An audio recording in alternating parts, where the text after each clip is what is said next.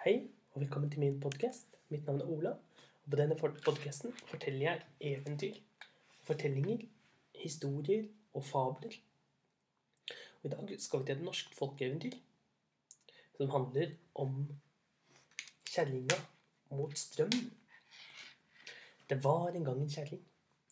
Hun, hun var så sta. Hun var så veldig sta. Uansett hva det var mannen sa, så skulle hun alltid krangle på det og vise at hun var enda staere. Og slik fortsatte det hver eneste gang mannen sa noe. Så sa kjerringa hvordan hun ville ha det. Og slik hun ga seg ikke til slutt før hun fikk det sånn som hun ville ha det. En dag utpå høsten en gang så kommer mannen inn og sier nå er det på tide å slå, slå engen. Vi må slå gresset. Det har blitt så høyt.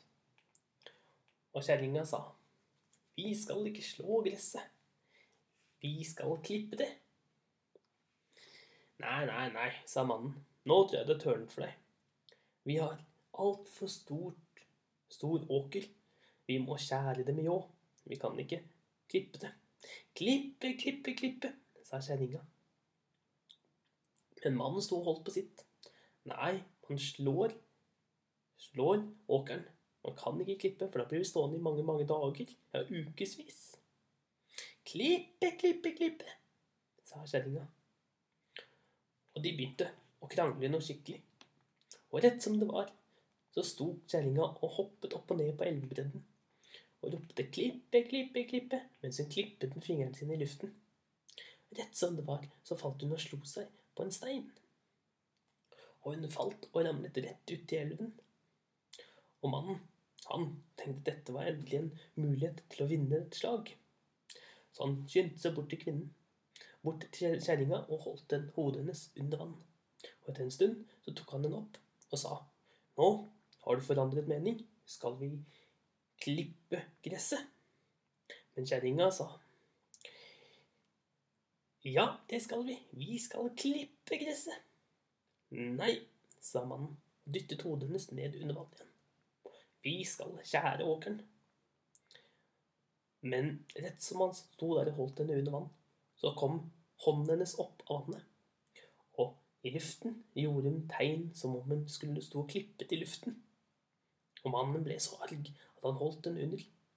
Og rett som det var, så plutselig så sluttet hun å bevege seg. Og mannen slapp, for han ble så forbauset. Men etter en liten stund så tenkte han nei, det var jo dumt, dette. Han måtte jo få henne begravd skikkelig. Så han løp ned til byen og fikk tak i alle som var der, og sa at de måtte hjelpe han og lete etter kjerringa. For hun, hun hadde druknet i elven. Og alle i landsbyen begynte å søke nedover elven. De søkte langt nedover hele elven. De søkte langt, langt, langt. Så langt som hun kunne ha drevet på en dag.